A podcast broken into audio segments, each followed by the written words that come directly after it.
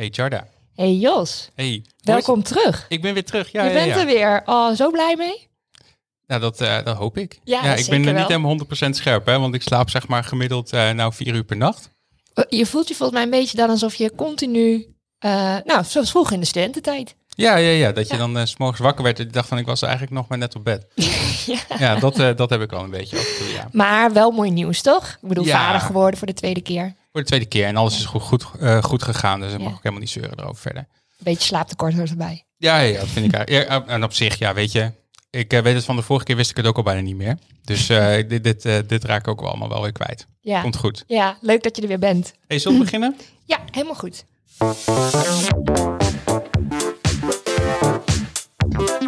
Welkom bij 20 voor 12, de podcast over tech, media en andere gemakkelijke of ongemakkelijke onderwerpen. We praten met vrienden van de show die ergens misschien wel iets vanaf weten. Speciaal voor Groningers en daarbuiten ook internationaal beschikbaar via het internet. Dit zijn je hosts Joshua Peper en Tjada Polderman. Nou, spannende aflevering. Wat een feest ook weer, hè? Ja, want we zijn eh, ook één jaar. We zijn één jaar oud. Gefeliciteerd. Ja, jij ook. Dankjewel. Met jouw podcast. Want En jij, jou? Nou, jij, jij bent wel een beetje de aanstichter van het verhaal. Ja, oké. Maar we doen het samen. Dat is ook zo. Eh, dit keer weer wel in ieder geval. Ehm, even kijken hoor. Eh, we hebben ook twee gasten aan tafel. We hebben Roelof van der Schaaf hier aan tafel. Wethouder hier in, in het prachtige Groningen. En eh, eh, we gaan het met jou eh, hebben over de deelscooters. En we hebben ook Daan hier.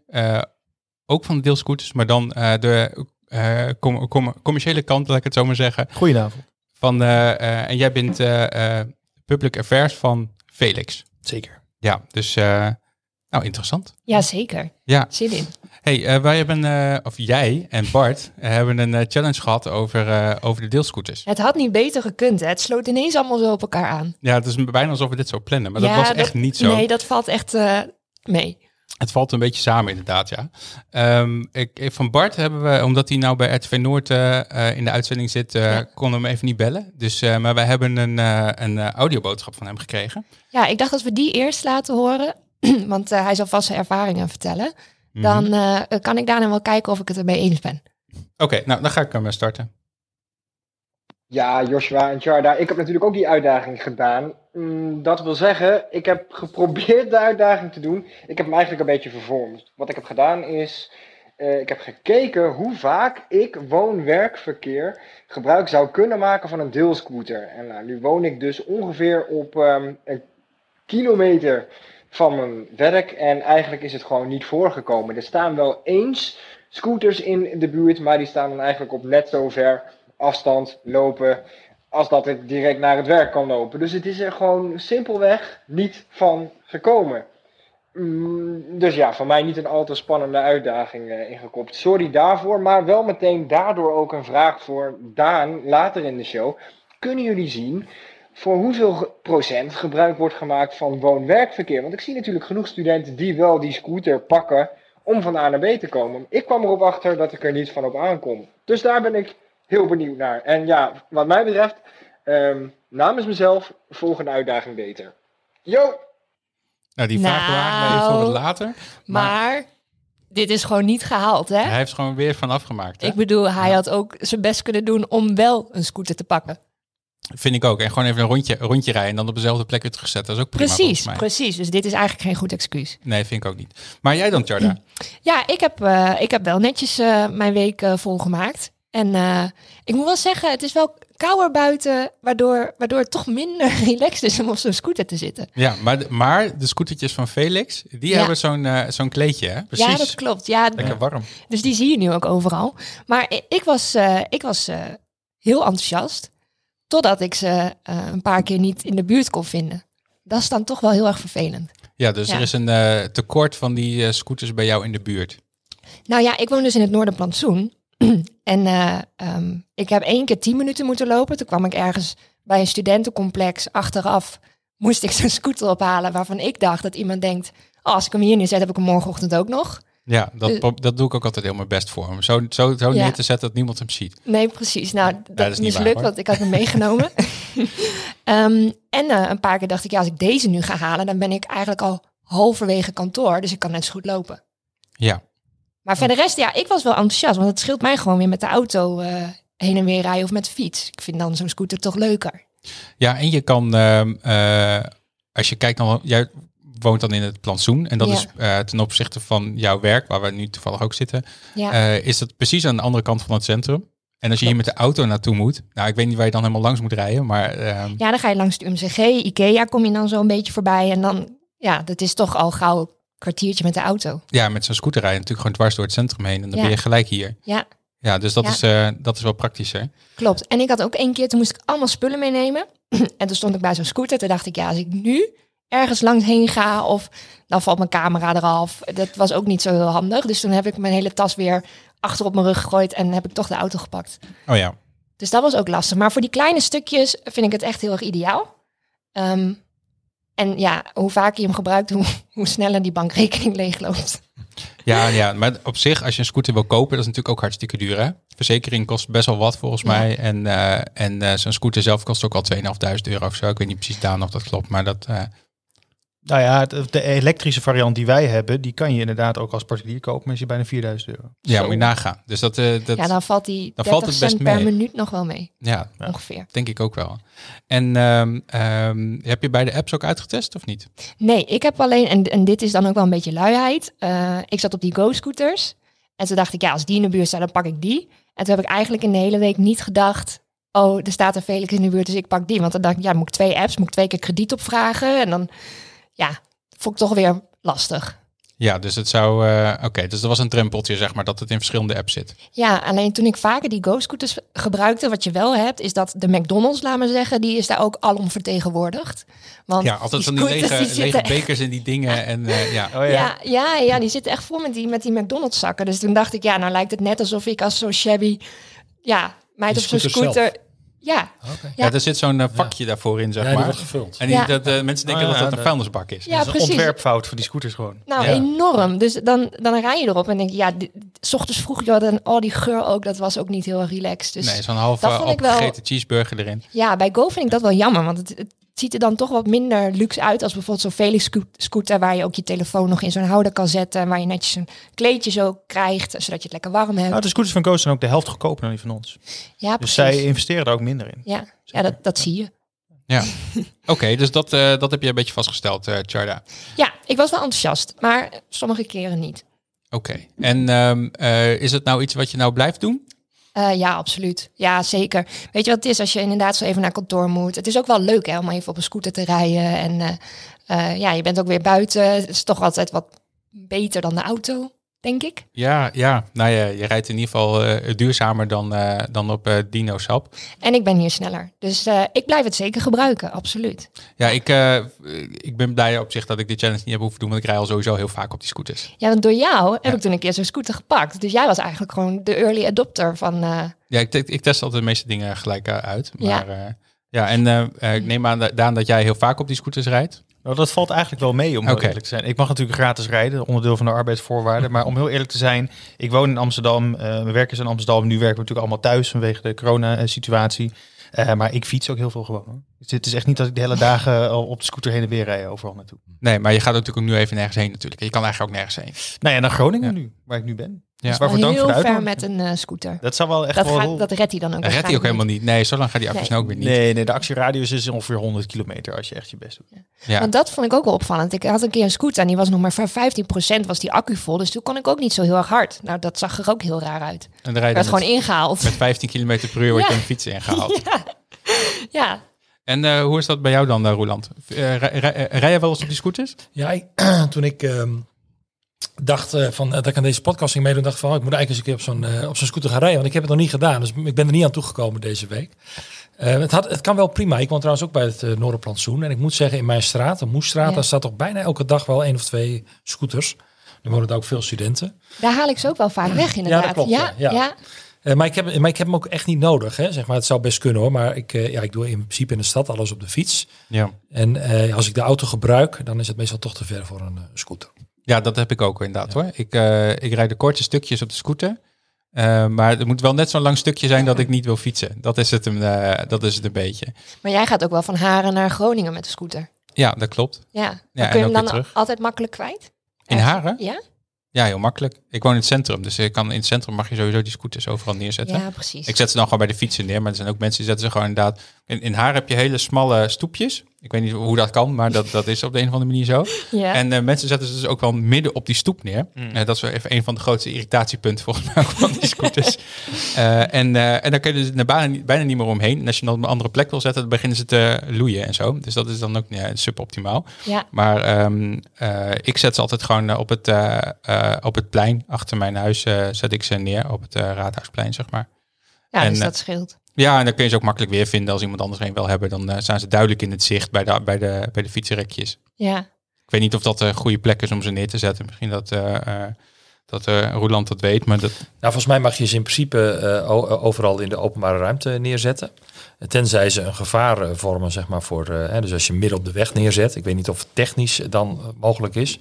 Maar als je midden op de weg eh, zet, maar dat geldt ook voor, voor elke andere scooter of fiets... Dan, eh, dan, dan mag die als het ware door de politie of door de gemeente worden weggehaald. Ja. Maar als je gewoon midden op de stoep zit en, en zelfs als hij de, ja, de, de doorgang blokkeert, dan is het voor ons ingewikkeld zeg maar, om hem dan weg te halen. Maar vaak moet ik ook de eerlijkheid gebieden zeggen dat, eh, ja, dus eh, als hij al een keer verkeerd geparkeerd staat, en dat gebeurt natuurlijk wel eh, op hele op rare, hele vreemde manieren, maar daar kom ik zo nog even op terug. Is het ook wel weer zo dat ze vaak weer snel weg zijn. Ja, ja, want eh, ik weet niet hoe lang ze gemiddeld blijven staan, maar dat is volgens mij niet zo lang. Oké, hey, we gaan jullie even introduceren, denk ik. Ehm, eh, en we zijn al bijna ik dacht, we waren al begonnen. begonnen. Ja. Ja, we zijn al bijna begonnen, maar laten we het even netjes Even introduceren terug. Voor, de, voor de luisteraars. Eh, Roland van der Schaaf, jij bent eh, wethouder eh, hier in Groningen sinds 2012, geloof ik. Ja. Ja, je hebt de eigen Wikipedia-pagina, dat is heel handig. Ja, sinds kort. Ik, ik weet niet hoe ik daar aankom. Ik heb het niet zelf... eh, Nee, andere mensen maken dat. Als je het Ja. zelf maakt, dan wordt het weer weggehaald. nee, dacht ik. Maar in één keer zag ik het. eh, ja. Gewoon Ja. fans. ja, heel goed. Ja. Eh, je hebt gestudeerd aan de rug en heb je filosofie niet afgemaakt, maar geschiedenis wel. Ja, En eh, eh, waar- waarom heb je dat niet afgemaakt? Was het niet, toch niet zo interessant? Of, eh, nee, ik, ik, ik ben, het was eigenlijk mijn tweede studie hè, tijdens de, de, de, mijn reguliere studietijd. En toen ik ja, de, studie, de studie erop zat, zeg maar, toen had ik het nog niet af. En ik heb het eigenlijk later in mijn avondstudie nog wel een paar keer proberen eh, af te maken. mhm. Maar het enige wat ik eigenlijk niet heb afgemaakt is de afstudiescriptie. Dus eh, misschien Oh, dat ik dat ooit nog een keer ga doen. Maar Ja. ik deed meer als hobby dan dat ik nou eh, per se daar een beroep van wilde maken. Ja, je vond het gewoon heel erg eh, Ja. in, in- in- interessant. Dat was het, eh, dat was het ja. meer. Oké, en eh, jij hebt bij de gemeente gewerkt als stafmedewerker en beleidsadviseur. Ja. En papa van vier kinderen. Ja. En woont dus in de buurt van Noordplantsoen. Klopt. Komt uit 1970. Ja.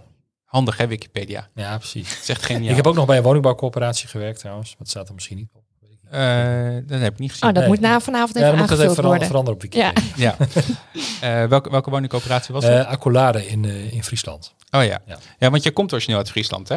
Ja, ik ben in Leeuwarden geboren en opgegroeid in Grauw en in Drachten. Maar ik woon al ehm, sinds, ja, sinds mijn studietijd in Groningen. Dus hoewel mijn ouders al in Friesland wonen, voel ik me toch meer stadje dan Fries, moet ik zeggen. Ja, dat snap ik. Nou, sowieso, als je uit Leeuwarden komt, dat is volgens mij... eh, Leeuwarden is niet echt Friesland. Ja, maar Vinden ze in ik heb wel echt een Friese familie hoor. Dus, dus Ja, ik oké, dat Fries wel. met ze. Dat Nee, oké. Als je, dus jij spreekt ook echt Fries? Ja, ik, ik spreek Fries. Ja. Ah, daar versta ik helemaal niet van. Ja, dat gaan we ook niet doen vandaag. Nee, nee, nee, gaan we zeker Dat is niet net als doen. dat ze bij de Als we- mannetjes gaan bellen met Jelle. Ja. Ja, daar versta ik ook nooit wat van. Nee. Ja, nee, daar versta ik ook nooit wat van. En ehm, eh, jij houdt van Kanye West? Ja, onder andere. Ja, ik, zag, ik zag dat je dat had opgeschreven. Maar, eh, eh, nou, ik hou, ik, hou, ik hou sowieso heel erg van, eh, van muziek, van popmuziek op allerlei manieren. En ik, voor mij komt dat uit een artikel in 2012. Toen, ik zei, toen ze vroegen wat vind je nou leuke muziek. Toen heb ik inderdaad Kanye West gezegd. Omdat hij toen twee jaar daarvoor echt een fantastische cd had gemaakt. Mijn My Dark Twisted Fantasy volgens mij. Ik moet zeggen, zijn modernere werk vind ik wat minder. Maar ik heb Nou, een hij brede is, ook, smaak. hij is ook een heel klein beetje van het padje af, ja, volgens dat kun je mij. wel stellen, ja. Ja. Zou je op hem stemmen als die gaat, eh, stel dat je in Amerika woont en hij zou zich als president verkiesbaar me in, in California kon je op stemmen. Ja, precies. Oh, dat kon al. Ja, dat Jeetje. kon. nou, dat is niet Nee, gelukt dus. Nee, maar zijn muziek en zeker zijn vroege eh, tot, tot 2010, 12 vind ik echt ontzettend goed. Ja. Leuk? Ben jij ook fan van Kanye West? Nee. Nee. jij dan, Daan? Nee, afschuwelijk. Oké. nou, ik Nou, vind het wel lekker. leuk. Ja, ik vind het wel oké, maar ik zou niet, eh, ik zou geen album kopen. Sowieso koop je geen albums meer volgens mij. Het is eh, Nee. 2020 natuurlijk, maar eh, misschien nog een plaat, omdat dat wel mooi is om te Mhm. hebben.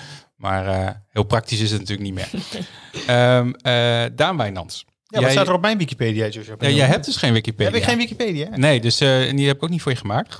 Eh, dus bij jou moest ik het vooral doen met eh, LinkedIn. En eh, Facebook kon ik jou zo niet, tenminste heb je veel info afgeschermd. Wat wij namelijk altijd doen is zeg maar, we kijken gewoon wat we in openbare bronnen kunnen vinden. En dan, dan maken we daar een samenvatting van. En dat was bij Roeland heel makkelijk, maar bij jou was dat iets ingewikkelder.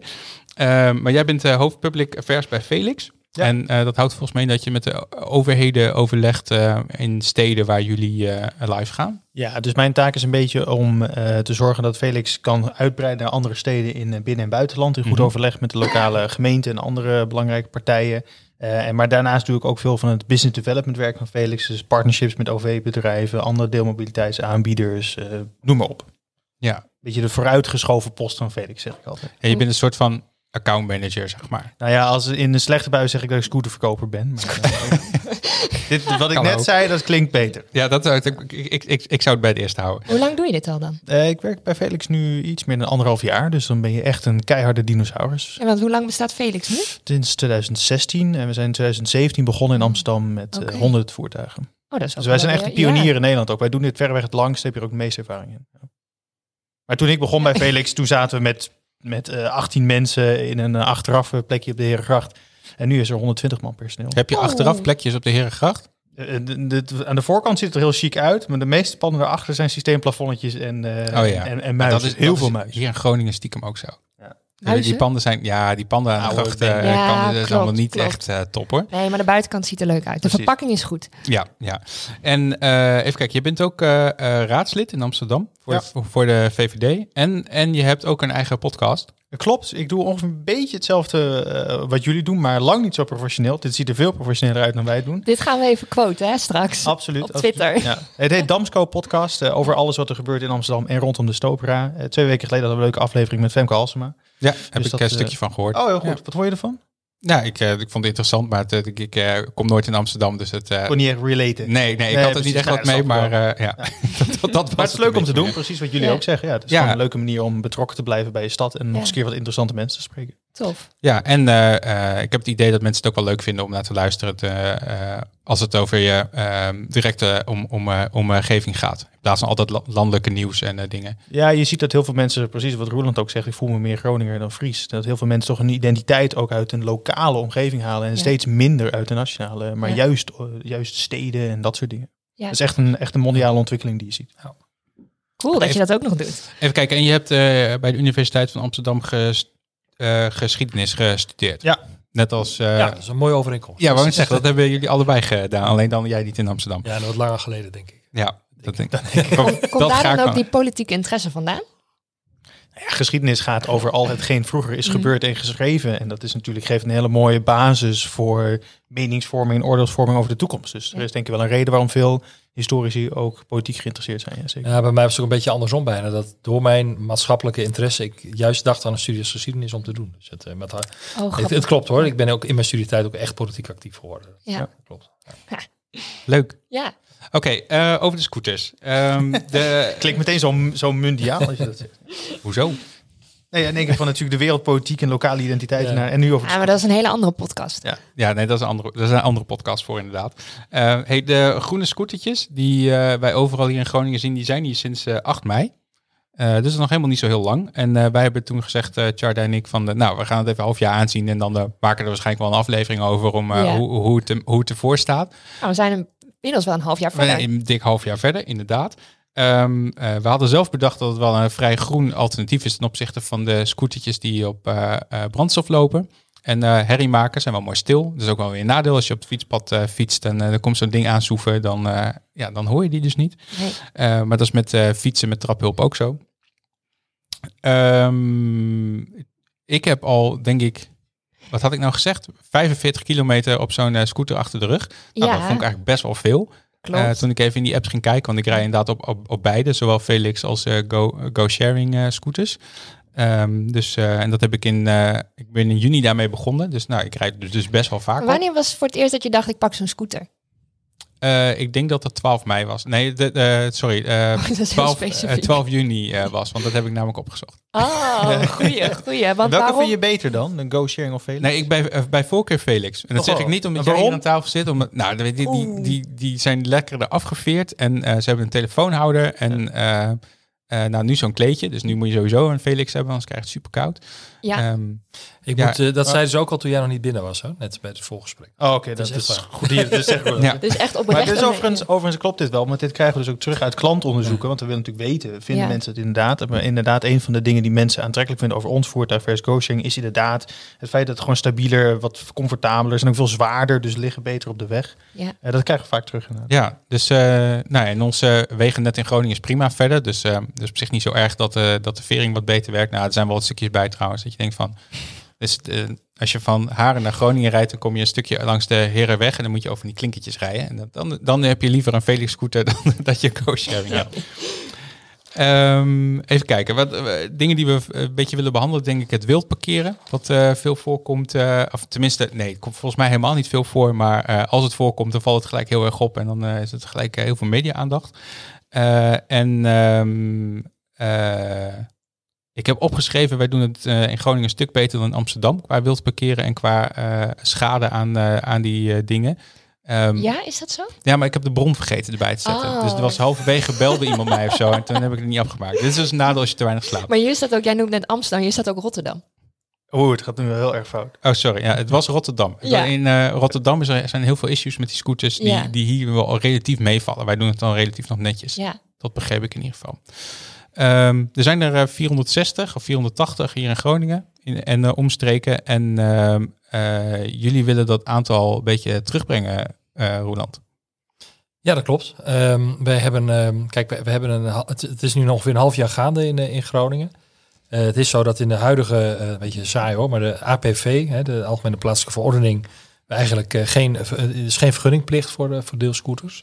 Dus uh, iedereen kon zo, gewoon zijn gang gaan op dit moment. Dus we hebben ook een beetje gebruikt om te kijken hoe gaan die dingen nou. Ja, een soort van pilot is het eigenlijk. Hè? Ja, daar kwam het eigenlijk op neer. Um, en vervolgens, dus eigenlijk de afspraken die wel gemaakt zijn, die zijn eigenlijk ook gebaseerd op uh, vrijwilligheid. Nou, nu is er in principe uh, per 1 januari wel een soort vergunningplicht. Dus we willen kijken van onder welke voorwaarden wij dan uh, die vergunningen willen gaan verlenen. En welke randen, hè, op basis van de ervaringen die we hebben. Maar ook wat, ja, wat de gemeenteraad ervan vindt, die er vanavond ook nog over spreekt. Voor alle duidelijkheid. Dus het is allemaal nog een beetje het idee van het college op dit moment en niet meer dan dat. Um, nou, we hebben gezegd van nou, per 1 januari regelen we dat niet allemaal. Dus we hebben een soort, soort tussensituatie, een gedoogsituatie waar we in ieder geval een aantal dingen hebben vastgelegd. Maar we streven ernaar om ergens in, in mei het vast uh, via een soort vergunningsstelsel uh, ja, die randvoorwaarden te gaan, gaan creëren. En dat komt er eigenlijk op neer dat we in ieder geval in eerste instantie gezegd hebben dat we het aantal wat willen beperken. En ook ja, limieten willen stellen aan met name de overlast die toch her en der wel wordt, wordt ervaren. Misschien wel goed is om even vooraf te zeggen, hè, want um, ik ben nu ongetwijfeld uitgenodigd omdat ik uh, uh, kritisch ben. En dat zal ik ook wel zijn hoor. Ja, maar dat is ook niet verkeerd. nee, nou, er is niks nee, maar nee, ik, zeg het even, ik zeg het even bij, omdat ik, ik wel moet zeggen dat uh, vanuit het ondernemerschap vind ik het echt een briljant concept. Ik vind het echt eigenlijk op zich heel goed bedacht hoe je um, um, nou ja, gebruik maakt van, um, en dat is ook het deels van mijn kritiek. Hè. Je maakt eigenlijk heel erg gebruik van de openbare ruimte als de plek waar je, je in ieder geval je scooters kunt, kunt verhuren, kunt, kunt aanbieden. Hè, daar heb je relatief weinig stallingskosten, je hebt weinig frictiekosten. Dus wat een hele optimale manier wordt er eigenlijk gebruik gemaakt hele van goede van marketing. Je aanbod. Want het staat Uitstekende overal. marketing moet ik ook zeggen, Ja. dat, dat klopt. Je, je ziet het overal staan, permanente reclame. Heel slim doordacht, dus ik snap ook wel dat het werkt. En zeker in een jonge stad als Groningen zie je het gewoon echt dat aan een grote groep appelleert. Dat mensen graag uh, op zo'n scooter gaan rijden. Dus ik vind echt ook vanuit ondernemerschap vind ik het echt uh, heel goed, uh, goed bedacht. En ik zie ook wel degelijk hè, vanuit, vanuit de bedrijven, en zeker geldt voor FedEx, ook echt wel dat het gesprek mogelijk is om te kijken van hoe kunnen we ervoor zorgen dat, dat excessen tegen worden gegaan. Maar er zijn wel ja, een paar dingen waar we, waar we echt, nou, waar we in ieder geval ja, op een gecontroleerde manier mee om moeten gaan. Hè. We zeiden net ook al een beetje, op het moment dat er 1000, 2000 scooters uh, in zo'n uh, gemeente staan, of in een binnenstad staan. Dan, dat is voor Groningen is dat heel veel. Dan is dat echt te veel. Ja, voor, voor een stad als Groningen is dat te veel. Maar dus je moet wel op tijd... Uh, ja, dat weet ik niet. Kijk, als je, als je geen, geen, um, geen limiet stelt, het is nu al Mhm. gegroeid tot 460. Hè, en ik denk dat er nog, misschien kan het nog wel veel harder groeien. En dan zie je dus, en dat die openbare ruimte dichtslipt met, met, met, met geparkeerde scooters. En dat je ook, ja, principieel heb ik daar ook wat tegen van. Hè, die openbare ruimte wordt dan eigenlijk gebruikt als een soort uh, verhuurplatform bijna. Maar goed, daar kun je nog over discussiëren. En bovendien wat ik zie in Groningen, maar goed, ook dat uh, moeten we over hebben, denk ik.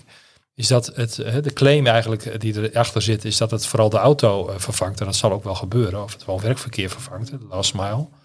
Maar ik zie in Groningen vooral dat het de mensen van de fiets afhaalt. En of we daar nou iets als, als samenleving, hè, los van het feit dat mensen individueel natuurlijk zelf mogen weten hoe ze zich vervoeren. Maar als samenleving nou heel veel mee opschieten, vraag ik me dan af. Maar in, in Groningen hebben we natuurlijk ook een fietsprobleem. We hebben zoveel fietsen hier in de stad. Ja, want we, wat was het? We hebben 3,1 fiets geloof ik bij Groningen. Ja. Ja. Dus, Dus eh, als- dat als klopt die dan ook wel. Ik heb ook, ik heb ook drie fietsen. Dat is inderdaad zo. Ja, Ja, maar, maar- jij ja. zet ze niet, laat maar zeggen, schuin op de weg. Of jij zet ze gewoon netjes bij huis. Nou, er is wel één fiets waarvan ik niet weet waar die is. maar goed, dat heeft ook elke Groninger volgens mij. Ja, dat de, de klopt. regelmatige Ja. fietsvoetsie. Ja, maar ik denk dat de, de eh, nou ja, mensen die vinden de, het fietsen, de hoeveelheid fietsen die in Groningen staan ook heel vervelend. Ja, maar als je, eh, als je die vervangen wordt door een scooter, wordt het probleem niet per se kleiner natuurlijk. Nou, kijk, het is andere kant is. Er zijn natuurlijk, eh, die fietsen deel je niet eh, met andere mensen. En die scooters, die, die zijn ook zo weer weg. Want dat, dat is, eh, daar, daar heb jij vast cijfers over, eh Daan. Nou ja, kijk, we weten dat particuliere voertuigen, fietsen, scooters, auto's, staan gemiddeld 90% van de tijd gewoon stil. Ja, Dat geldt dus voor je eigen fiets, het geldt voor je eigen auto, geldt voor je eigen scooter, geldt voor je alles. Ja die, die eh, staan ook, op- nou ja, in Groningen dus over het algemeen ook in de openbare ruimte. Ja, precies, staan dus gewoon geparkeerd. En onze voertuigen worden meerdere keren per dag gebruikt. Dan heb je het echt over 8, 9, 10 keer per dag. Op mooie dagen, op, als het echt regent is het ietsje minder. Maar op zich, eh, dus die worden heel veel gebruikt. En het is wel degelijk zo, dat zien we ook uit onze cijfers, dat bijvoorbeeld 80% van alle mensen gemiddeld over heel Nederland, ik heb niet heel veel specifiek cijfers over Groningen, precies omdat wat Roerland zegt, we zijn pas net begonnen, dus we moet, moet ook allemaal nog kijken hoe, hoe gaan we het hier eh, laten passen. Eh, dat zie dat 80% van de mensen zegt, ja, ik hoef geen eigen scooter te kopen, omdat gewoon deelvervoer ruim beschikbaar is. Nou, dat, daarmee lossen we wel degelijk een openbaar ruimteprobleem op. Ja. Ja. ja, want ik denk ook dat, ehm, ehm, kijk, we hebben nu natuurlijk ook eh, de crisis met eh, eh, co- co- co- corona en zo. En ehm, daardoor wil je ook niet snel in een taxi stappen. Dus ik heb ook wel, als ik dan in Groningen ben en ik zou normaal met de taxi naar huis gaan of zo voor het een en ander, omdat ik, eh, of, of met, de, Mhm. met, de, met de bus, dan pak ik dus juist een scooter, omdat ik dan niet bij iemand anders eh, Maar die scooter is ook door meerdere mensen gebruikt. Dus is dat dan... Ja, ik heb zo'n eh, klein flesje met eh, Ah, van dat slim. eh, Ja, desinfectiemiddel. Oh, jij bent ja. dat, die Ja. de scooter Ja. zit om te smeren. Ja. Nee, ik, ik, ik, ik ga op de scooter en dan maak ik mijn handen schoon. Oh. dat is ook het. Nee, maar kijk, weet je wat Roeland ook zegt? Eh, het zijn ook heel terechte... We hebben ons afgesproken om elkaar te tutoyeren. Ja hoor. Ehm, dat zijn hele terechte punten. En wij zien natuurlijk ook die uitdagingen in de openbare ruimte. Eh, dat zien wij net zo goed. Wij hebben inderdaad in april de gemeente Groningen benaderd met ons verhaal van... Goh, we zijn al een tijdje actief in Nederland, willen uitbreiden naar andere steden. Zouden graag in Groningen aan de slag willen gaan. We willen daarover een aantal afspraken maken.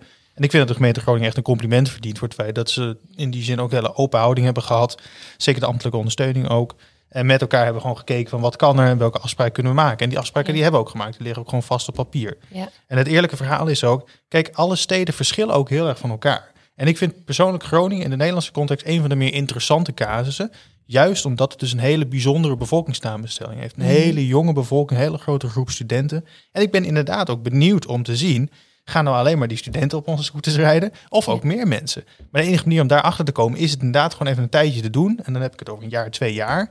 Eh, en dan kan je ook voldoende data vergaren om te Mhm. zien wat gebeurt er nou precies. Ja. Wij zijn er heel optimistisch over. Je ziet bijvoorbeeld in een stad als Rotterdam, zie je dat de gemiddelde leeftijd van het aantal van de scootergebruikers neemt eigenlijk elke maand toe. Dus je ziet dat een steeds bredere Mhm. bevolkingsgroep mensen ontdekt deelmobiliteit. Maar ze moeten het gewoon een keer hebben ervaren. Eh, en dan zie je ook steeds meer dat mensen het als een structurele vervoersoptie gebruiken. Ja. En de coronacrisis, precies wat je zegt Joshua, die heeft er ook, hoe wrang het natuurlijk ook is, wel bij geholpen.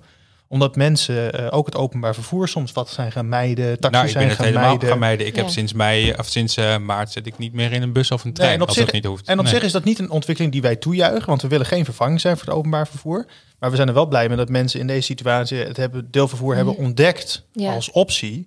Eh, en dat later dan weer gaan gebruiken als aansluiting op het openbaar vervoer. En dat is een ontwikkeling die wij zeker zien. Ja, want Roeland, eh, Daan zegt net al, we hebben contact gezocht met de gemeente. Heeft de andere partij hier in Groningen, eh, Go Sharing, dat ook gedaan?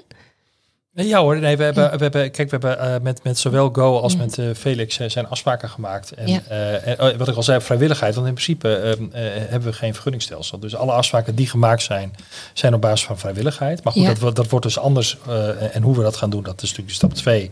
Wanneer het wel vergunningsplichtig wordt. En dat is het in principe per 1 januari. En dan gaan we kijken van ja, hoe kunnen we het op zo'n manier met elkaar vormgeven dat nou, de dingen die we mee willen bereiken, Ja. dat die wel eh, bereikt worden. En dingen die we willen voorkomen, eh, worden voorkomen. En kijken waar ik wel heel erg op bezoek naar ben.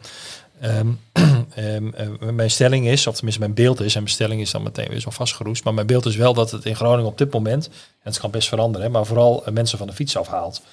En, en dan kun je wel zeggen van ja, die fietsen staan ook wel geparkeerd. Maar ik geloof niet dat mensen hun fiets gaan verkopen omdat ze vervolgens eh, vaker met de scooter gaan. Het is gewoon. Nou is een fiets ook niks waard natuurlijk. Hè? Nee, Op zich van nee, auto's. dus het, ja. ik denk niet dat het bijvoorbeeld Ja. leidt tot minder fietsen in openbare ruimte. Het, en en op het moment, het moment dat, je, dat je het echt betekent dat in een context van Groningen vooral ehm, het scootergebruik zoals het nu gaat, vooral eh, fietsen vermindert en het autoverbruik maar beperkt, ja, dan doen we het volgens mij niet goed met elkaar. Dus je zou het eigenlijk moeten willen omdraaien van nou, hoe zorgen we nou voor met elkaar dat het zo wordt ingericht dat je inderdaad veel minder mensen met die auto naar die stad hebt, maar dan de scooter als, eh, eh, als, als mooi alternatief. Wat en milieuvriendelijker is, maar ook nog veel minder ruimte inneemt. En dat is absoluut waar. En voorkomt dat mensen die anders zouden gaan fietsen, nu toch denken, ach laat ik maar gaan, op, of in het OV, hè, dat is nu dan even anders, maar dan maar de scooter gaan Ja. gebruiken. En dat, dat, dat is, ja, dat, dat kan ik op, op dit moment nog niet helemaal, ja, op basis van de cijfers. In Groningen is vooral de fiets, maar goed, dat kan, dat kan natuurlijk een tijdelijk effect zijn. Maar als de gemiddelde leeftijd van de eh, mensen die, die die scooters pakken iets omhoog gaat, dan krijg je natuurlijk steeds meer mensen die eh, eh, een auto hebben die dan af en toe ook die scooter pakken. Nou, het kan ook andersom zijn dat het vooral, dat, dat- als het vooral betekent dat mensen, dat er steeds meer mensen die anders gaan, fiets, eh, gaan fietsen nu de scooter gebruiken, dan eh, ook oudere mensen fietsen natuurlijk veel. Hè? Ja, Waarbij ook zo is dat ik volstrekt logisch is dat bij zo'n iets als een scooter, en zeker zo'n deelscooter, dat zijn altijd jonge mensen gaan überhaupt sneller dat uitproberen dan ouderen. Dat ja, ja nee, dat heb je sowieso. Dat is Dus dat- natuurlijk sowieso zo. Behalve jij. Noem je me nou weer oud? Gaan we dat nou weer doen?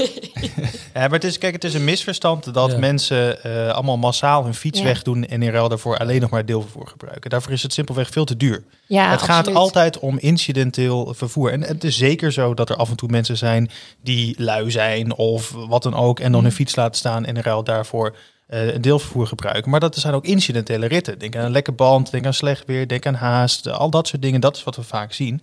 Het is zeker zo dat in Groningen, de laatste analyse die wij hebben gemaakt, ongeveer 40% van de mensen zeggen, ja, ik had een rit ook met de fiets kunnen doen. Ja. Dat is vrij hoog in vergelijking met andere steden. Maar we zien ook dat dat percentage eigenlijk altijd daalt na lange tijd je, je meer actief bent. Omdat dus een grotere groep mensen deelvervoer als een aantrekkelijke optie gaat ontdekken. Dus dit is allemaal eigenlijk eh, te- vroeg om hier echte conclusies aan te verbinden. Dus daarom denk ik dat het goed is dat de gemeente Groningen zegt... we gaan met de vergunningstelsel dit meer inkaderen eh, Mhm. en ook meer zekerheid geven van... we gaan hier gewoon de komende twee jaar of iets dergelijks mee aan de slag. En aan het einde kunnen we dan een conclusie trekken. En dan kan het best heel goed zijn dat we zeggen... nou, deelvervoer op deze manier past minder goed in de Groningse context. Dat is dan een legitieme conclusie op basis van de data. Maar je moet inderdaad de tijd nemen om dat te proberen. En dat zijn we nu aan het doen. En wat, wat zijn dan die kaders voor, voor zo'n vergunning? Ja, wat is het, wat is het eh, voorstel wat jullie eh, eh, Nou, willen kijk, gaan voorleggen we, hebben nu, ehm, eh, we hebben nu een, een, een, een brief naar de gemeenteraad gestuurd waar vanavond over gediscussieerd wordt. Hè. Dus die, als er een vergunning komt, dat duurt het nog wel even, een stelsel komt. Hè, want dan zal het echt begin eh, volgend jaar zijn. Maar de uitgangspunten die we nu geformuleerd hebben, dus daar vraag ik naar van nou, in ieder geval het aantal minder. Maximaal twee uh, toetreden of twee, twee, twee partijen die doen. Dat is nu ook zo. Maar goed, dat, dat moet je ook wel ergens uh, Ja, ja. afkaderen. dat er niet nog acht of negen bij Nee, komen? want dan wordt het echt onbeheersbaar en wordt het ook steeds moeilijker om afspraken te maken. Uh, een van de ideeën is om de binnenstad als servicegebied, hè, vanwege juist de, de geparkeerde scooters juist in die compacte binnenstad uh, uit, te, uit te sluiten. En we, uiteindelijk, en als je mij vraagt, dat is eigenlijk mijn ideaal, maakt het niet eens zoveel uit waar ze allemaal, uh, welke gebieden wel of geen, niet bediend kunnen worden, maar dat je echt gewoon gaat naar plekken waar, gewoon, waar gewoon gereguleerde parkeerplekken, waar je gewoon daar kun je je scooter neerzetten, is ook voor de klant makkelijk te vinden. Ja, de appje kun je natuurlijk altijd vinden, maar dan weet je, daar staan de scooters. Gewoon gereguleerde plekken op een aantal plekken in de stad of in de wijk. Ja, en dan, dan, dan ben je al een heel stuk verder. Want dan heb je, kun je die parkeeroverlast ben je eigenlijk kwijt. En um, want dan weet je gewoon, daar staan scooters. Net als het nu ergens auto's staan. Of, ja, van die deelauto's heb je het ook, hè? Die zijn ja, dat is deelauto's eigenlijk. Ja. En, en, uh, en dan ben je denk ik voor een heel groot deel al, uh, denk ik, van de, van de problemen af. En dan wel op zo'n manier hebben ze ook op plekken dat ze vooral, denk ik, um, naast het incidentele gebruik, maar vooral woon-werkverkeer of en mensen die anders met de auto naar de binnenstad waren gaan, nu zeggen, nou, weet je wat ik doe? Ik zet hem aan een PNR-terrein neer en ik heb geen zin om dan uh, te lopen of de bus te pakken. Ik pak de, ik pak de scooter, dat is natuurlijk prima. Ja, ja. voor de last, uh, last, last mile. En dat ja. is een ontwikkeling over die we in Groningen ook ja. heel veel zien. De PNR Hoogkerk, die wordt ontzettend veel gebruikt voor onze deelscooters. Overigens ook meer dan PNR-locaties in andere gemeenten. Dus dat is denk ik heel positief.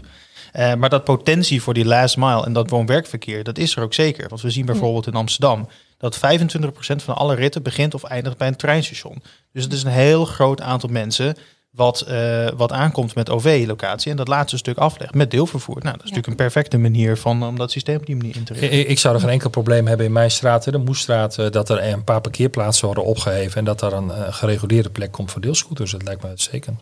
Ja. staan ze in ieder geval niet meer op de stoep. Nee, Nee, ja, precies. kijk, het, En- het, en dan, ja. het eh, risico van het eh, aantal eh, terugbrengen is natuurlijk wel dat ze de serviceregio kleiner gaan maken om, om ervoor te zorgen dat er toch nog een genoeg Nou ja, kijk, scooterdichtheid is. Ik kan er wel wat over zeggen hoor. Kijk, wij hebben in Groningen op dit moment 150 voertuigen. Onze concurrent heeft er ongeveer 260. We hebben met de gemeente nu afgesproken dat we ook in de, zeg maar, de gedoogperiode dat afbouwen naar 150. Wij, an- wij hebben dat aantal sowieso al. En dat is niet op basis omdat we gewoon de loods leeg was of dat we niks meer hadden. Nee, maar dat wij natuurlijk ook een analyse maken van wat vinden wij nou een redelijk aantal voor een stad als Groningen. En Groningen, met alle respect, is natuurlijk ook niet de allergrootste stad van de wereld. Nee, maar wel de Eh. zesde stad van... eh, Maar dan klinkt 105. Ja. Het, klinkt, het is echt weinig. Het is ook relatief weinig. Ja. En op zich, als je eh, voor heel Groningen wat ze willen doen, dan zou op zich 400, 500 best wel netjes zijn. Maar Ja. eigenlijk zijn die er natuurlijk ook. Want voor, de, Ja. voor, voor jullie als gewone inwoners maakt het je niet uit of je veel co-sharing gebruikt. Het gaat gewoon te grote hoop. Ja, Mhm. Eh, kijk, en wij doen wel allemaal hetzelfde servicegebied. ja. En dan is het natuurlijk een ander verhaal. Eigenlijk zou je dat moeten verdelen onderling. Maar dat Maar is praten jullie ook met elkaar, laat me zeggen? Zeker, we hebben wel goed contact hoor. En Ja. Eh, pakken ook, eh, ook allerlei dingen wel gezamenlijk op. Ja. Eh, uiteindelijk hebben we een gezamenlijk belang om deelmobiliteit en deelscooters ook gewoon te laten slagen. Eh, dus op het moment dat. We hebben straks nog over parkeerproblemen, maar als een van onze scooters Mhm. verkeerd staat en we zetten die recht, een van onze medewerkers die we hier altijd rond hebben, Ja. eh, en we laten die van GoSharing gewoon midden in de weg staan, ja, dan los je het probleem natuurlijk ook Nee. niet op. Nee. Dus dat zijn wel een van de dingen die we ook onderling bespreken. We Maar jullie hebben dus wel, ehm, want er rijdt natuurlijk iemand rond om alles wat leeg eh, is aan accu's en zo, om dat te vervangen. Ja, maar mensen. die persoon die gaat ook op zoek naar de scooters of die krijgt meldingen van deze staat niet op de juiste plek. Ja, zij. En we hebben ook nog speciale medewerkers daarvoor die daar snel op moeten reageren. En gemiddeld slagen we erin om binnen eh, twee uur ongeveer het probleem op te lossen. dus er is dus iemand die kijkt naar die foto's die je maakt. Nou, de foto's maakt GoSharing. Eh, Ja. Ik kan niet voor GoSharing spreken, maar wij hebben mijn, onze lokale CIA-afdeling weet voor 90% zeker dat die foto's niet live worden uitgekeken. Dus dat is een klein Ja. beetje schijnveiligheid, om heel eerlijk te zijn. Wij doen dat niet, het heeft een goede reden. Eh, wij denken dat we beter kunnen acteren op basis van meldingen en op basis van onze eigen inzichten. Maar je moet vooral ook de opvoedkundige werking doen richting mensen als we het nu over het parkeren willen hebben. Ja. Dus eh, wij zien eigenlijk het aantal meldingen van parkeeroverlast altijd afnemen. En dat is namelijk omdat je de rotte appels eruit haalt. Omdat mensen wennen aan het gebruik. Mensen weten op een gegeven moment dat ze dus niet als een idiote ding meer op de stoep moeten parkeren. Er zijn ook veel mensen die Mhm. ook privé geen scooters meer bezitten. Dus die moeten ook gewoon wennen van hey, hoe werkt dat nou? En waar moet ik dat ding parkeren? Ja. Ja, Dus want je ik, eigenlijk ja, want wij, je ziet het beter gaan. als je een scooter rij, rijbewijs haalt, dan krijg je nog een beetje zeg maar wat uitleg. Maar die heb ik natuurlijk niet. In het Charter denk ik ook niet. We Nee. hebben een autorijbewijs. Ik ook. Dus we weten ook niet precies zeg maar wat er nou de regels zijn wat je nou wel en niet mag. Nee, en de regels zijn, eh Roeland zegt het terecht, inderdaad, je mag, eh sterker je moet een, een scooter op de stoep parkeren. Mag niet in een parkeervak staan. Hij moet op de stoep parkeren en je moet daarbij voldoende doorloopruimte vrijhouden. En wat dan voldoende doorloopruimte is, ja, dat is de ene keer is dat een meter, de andere keer is dat twee meter. Het is natuurlijk ingewikkeld om daar precies een eh, meetlatje langs te gaan zeggen. Maar wij hanteren zelf de criteria. Je moet er met een rolstoel, rollator en dergelijke, moet je er gewoon goed langs kunnen. Eh, en je ziet vaak snel genoeg op een foto of iets in de weg staat of niet. Maar als zo iemand dan dat verkeerd parkeert, krijgt diegene dan een penalty en mag die daarna nooit meer op een scooter rijden? Ja, op het moment dat we dus eh, een melding krijgen over iemand, we kunnen natuurlijk in ons systeem perfect zien wie dat heeft gedaan met kenteken en tijd. Ja. Dat is het voordeel daarvan.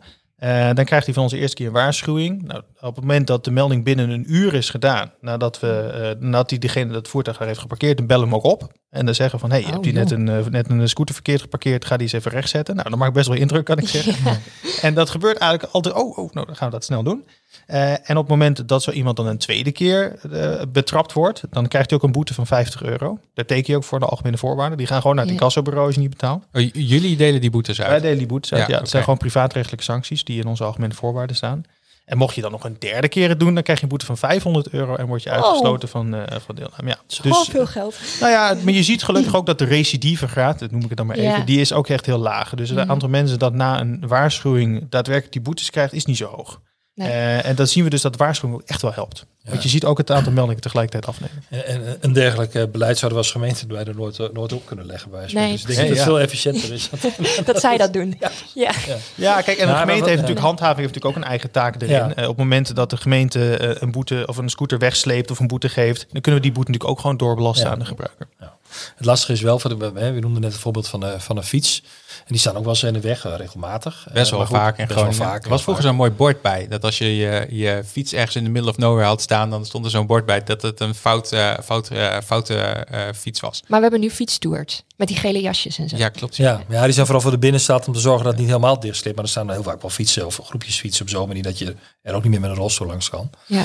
Eh, alleen die kun je daar die, die kun je in theorie nog aan de, we- eh, aan de kant zetten. hè. En dat is natuurlijk bij die scooters eh, wel lastig als je hem Die zijn zwaar. Ja, en ze maken nogal wat herrie eh, dan. Als je ze gaat verslepen. Ja, ik, ik heb een paar keer in mijn straat ook meegemaakt. Waarschijnlijk dat iemand hem voor de grap eh, op ging tillen of het tegen aanstoten. Dat dan de hele, hele straat wakker wordt. Van het, Heb ik ook een keer gehad. Ja, Nee, zo dat hard omdat jij ze. de verkeerde scooter pakte. Ja. Helemaal in paniek, joh.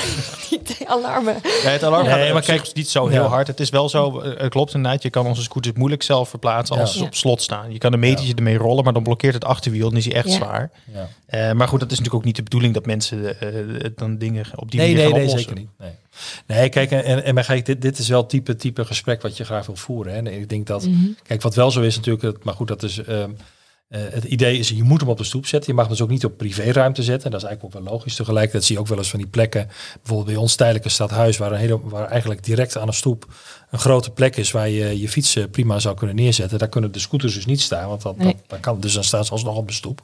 Dus dat zijn dingen waar je, waar je bij wijze afspraken over zou kunnen maken. Maar dat is wel het type afspraken wat je moet maken. Want volgens mij, kijk, eh, het klopt hoor, de meeste mensen eh, parkeren, hem, eh, eh, markeer- parkeren hem niet, eh, niet eh, doen het prima. Maar op het moment dat mensen het wel parkeer, eh, verkeerd parkeren, is het natuurlijk niet alleen maar die persoon die dat gedaan is, die is alweer weg. Hè? Dus het is het eh, of Felix of GoSharing die daar eigenlijk zijn scooter die daar te huur staat, gewoon recht op de, op de stoep heeft staan. Ja, dus, dus dat terecht dus dat een bedrijf daar ook ja, stevig zijn verantwoordelijkheid van neemt. En eigenlijk zouden we als gemeente, zou je als gemeente ook niet eens nodig zijn om daarop eh, te moeten letten, denk ik. Nee, en Dus- ik, vind ook, ik vind dat die verantwoordelijkheid, die voelen wij Ja. ook. En die nemen Ja. we ook zeker. Eh, Ja. daar investeren we veel in om dat op te lossen. Eh, maar deelmobiliteit en deelscooters, het is nog steeds vrij nieuw. Het heeft gewoon ook tijd nodig om mensen eh, om daaraan te wennen. Dat we die mensen opvoeden. Dat, dat is echt een ontwikkeling die je eigenlijk overal wel ziet. Eh, en het moet zichzelf ook gewoon nog echt bewijzen, vind ik zelf ook wel. Het is nog geen, het is geen uitgekristalliseerd concept. Het is nog niet Nee. een afgerond geheel van, oké, nou dit is het. En hier gaan we de komende decennia mee, mee vooruit. Is helemaal niet zo. Maar er is zijn natuurlijk wel een aantal landen waar ze dit al wat langer doen. eh, maar dan met stepjes. Spanje. Spanje en Mhm. in eh, Duitsland heb je ze wel. In eh Verenigde Ja. Staten heb ik ze wel. eh, Eigenlijk overal, behalve Nederland. Ja, want wij mogen hier niet met stepjes, want is hier met, met uh, goedkeuring van die dingen wat, wat, wat niet lukt of zo. Um, maar uh, maakt ook niet zoveel uit. Maar um, uh, wat je dan ziet in die landen is dat uh, het best wel een bende is met al die aanbieders en al die stepjes. Ja, nou dat, nu is het ook zo. Kijk, in Nederland zijn de stepjes inderdaad verboden. In die zin zijn niet RDW goedgekeurd. Uh, en ons wordt vaak gevraagd van, goh, ja, jullie bieden natuurlijk zeker alleen maar scooters aan omdat stepjes niet mogen in Nederland. Nou, dat is helemaal niet waar. Omdat we namelijk met die scooters, daarmee kan je veel comfortabel een langere rit maken. Ja. En wij weten uit cijfers uit het buitenland dat met stepjes wordt gemiddeld 1, 2 kilometer gereden. Ja, dat zijn afstanden die we in Nederland gewoon moeten lopen, Ja, moeten zeggen, fietsen en lopen, dergelijke. Ja. dat, gaat, dat slaat natuurlijk helemaal nergens over. De gemiddelde rijafstand van onze scooter is eerder 5, 6, 7 kilometer. Dus dat is een beetje het gat boven de fiets tussen de auto waar we ook echt op mikken. Ja. Uh, en dat kan je met een stepje gewoon niet doen. Als je 6 kilometer op zo'n stepje zit te hobbelen, word je helemaal gek van. Dus uh, stepjes hebben wat ons betreft, en zeker wat mij betreft, in de Nederlandse context veel minder waarde. Uh, in landen waar er eigenlijk geen fietsinfrastructuur is, kan het wel van waarde zijn. Want dan zie je dat mensen ook voor kleine afstanden echt de auto gebruiken. Dus daar zou ja, dat het is in de, waarde in de Verenigde Staten heel erg zo. Ja, maar dat, dat, is, dat is natuurlijk ook de, van de reden waarom Nederland anders is, los van wat voor wetgeving we hebben. Gewoon dat de, de dominantie van de fiets, met name in stedelijk gebied, en dat verschilt ook. Hè. Rotterdam viel net als voorbeeld. Rotterdam is natuurlijk veel meer een autostad in alle opzichten dan, dan Groningen. Ja, en ze hebben ook een metro en zo. Hè? Ja, dus je kan ook wel nee, dat ook. Ja. Maar het is, uh, uh, maar, maar door die fietsinfrastructuur zijn, ja, uh, denk ik dat stepjes hier alleen maar voor ellende zorgen. Maar goed, en we hebben ook, en daar heeft de gemeente Amsterdam toen volgens mij last, dat weet je denk ik ook wel, toen op een gegeven moment die Chinese deelfietsen, ja, ja. die zijn eigenlijk binnen no time weer van straat verdwenen, begreep ik. Ja, dat was in 2015 speelde dat. Toen Ja. werden er eigenlijk uit China vrij letterlijk scooters hier geparachuteerd, of scooters, sorry, fietsen hier geparachuteerd. En uh, zonder enige vorm van overleg, beleid, ja. wat dan ook. Uh, gewoon overal neergooid. Slechte kwaliteit fietsen, ging ook allemaal stuk. Niet Beetje over... zoals die swap, swap fietsen, dat soort kwaliteit? Nee, dat is echt, echt shared fietsen. Dus die kon je ook met een app inderdaad zien Ja, waar beetje fietsen dan staan. En Ja. dan kon je die dan gewoon reserveren. Hetzelfde idee is met scooters, maar dan met fietsen. Die heb Maar ik ook in Groningen gezien, twee. Ja, er zijn er Ja. heel veel. eh, over, je kan het nu over een partic- particuliere marktplaats allemaal eh, gestolen. eh, Ja, want, in, want we hadden het wel in onze APV geregeld dat, dat, dat voor fietsen dat niet mocht, zeg maar. Dat hadden we Oh, eigenlijk na het. Amsterdamse voorbeeld hebben we dat gelijk geregeld, maar aan de scooters hadden we niet gedacht, zeg maar. Ja. Dus vandaar dat dacht shit, die Dat, komen dat oh nee, maar dat- daar moesten het op vrijwilligheid. Maar, Ja. maar kijk, dat, eh, en ik denk eerder gezegd dat voor fietsen, dat nou, zijn natuurlijk ook voorbeelden. hè. OV-fietsen kan het natuurlijk ook. Hè. Ze zeggen van die eh, op PNR willen we eh, mensen eh, eh, een alternatief bieden voor de auto. Ja, dat kan met een fiets, maar kan ook met een scooter. Ja. ik ging tot voor kort altijd als ik naar Amsterdam moest. Dan, eh, eh, ja, nu zit ik niet meer in de trein en zo, maar eerder natuurlijk wel. En eh, eh, dan pakte ik altijd zo'n OV-chipfiets, noem ik die altijd. Oh, Ik weet ze niet, maar ze zijn, Ja. ik, die pakte ik altijd om even het laatste stukje even Ja. ergens naartoe te fietsen. En dat is natuurlijk ook een hele legitieme vorm van ook deelmobiliteit. Dat is dan wat we noemen station-based. Dus dat is dan op één vaste plek waar die ook Ja. weer net terug moet. Nou ja, Eh, het voordeel is dat er ook niemand anders hem jat, hè, of nou ja, meeneemt. Nee, Jat, jij dat- gebruikt, zou ik Ja. zelfs je Ja. in, in, in, in, eh, in Parijs op dit moment Ja. ook enorme toe, toe, toename van. Hè? Dus, ja. Van die fietsen. ja, van die fietsen. Ja, Oké. precies. Ik heb nog wel een vraag, want is het, eh, we hebben het nu al een paar keer over dat hele parkeren gehad. Als, Ja. als dat opgelost is, is, het dan, is dan alles opgelost volgens eh, jou, Roeland? Kunnen we dan door met, met de deelscooters? Nou, volgens mij eh, een paar dingen zijn belangrijk. Dat, dat we eh gecontroleerd, dat we de aanbieders, dat, dat het aantal controleren, dat de partijen met wie we dat doen, dat we er ook afspraken mee kunnen maken. Want je kunt nog alles in een vergunning regelen, allerlei regeltjes, maar het werkt in de praktijk veel beter als partijen zich op een verantwoorde manier gedragen. Dus dat we ook iets van, van kunnen selecteren van wie laten we toe. eh, en dat, Ja. we, dat we niet inderdaad partijen krijgen die zich helemaal niet verantwoordelijk voelen. Dat is één. Twee, wat mij betreft, hè, het eh, ook even vanuit het oogpunt van openbare ruimte, vind ik dat wel heel cruciaal. Dat we, dat, dat we dus niet, ja, dat, dat we gewoon op een gecontroleerde manier ook het parkeren kunnen eh, regelen. Met name in binnenstedelijke gebieden en op, zo- in sommige woonwijken. Dat, dat, dat zou dus kunnen met plekken aanwijzen. En dat zou bijvoorbeeld prima kunnen als je hè, hebt alternatief voor de auto op plekken waar nu auto's geparkeerd staan. Het derde punt is wel, maar dat is dan meer een breder maatschappelijk eh, punt. Ehm, dat vind ik op zich geen reden om te zeggen, er mogen geen deelscooters zijn. Maar ik wil wel heel, eh, kijk, op het moment dat het allemaal, in eh, als het vooral mensen van de fiets naar de scooter haalt. Maar goed, daar heeft Daan ook al het een en ander over gezegd, dat verwacht je niet. Ja, dan moet je wel afvragen, wat is dan vanuit een samenlevingsoptiek dan de meerwaarde van, van, van, van, van, eh, van de deelscooters?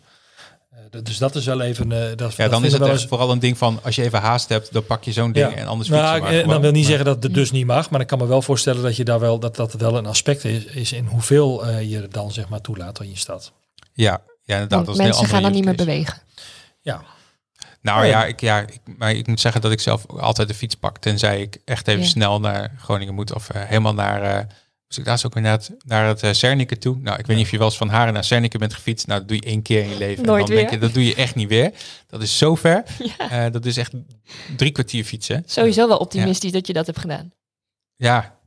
Maar ja, goed, ik had het van tevoren niet uitgerekend. Nee. Zich Dus ik kwartier dacht- fietsen valt toch wel mee?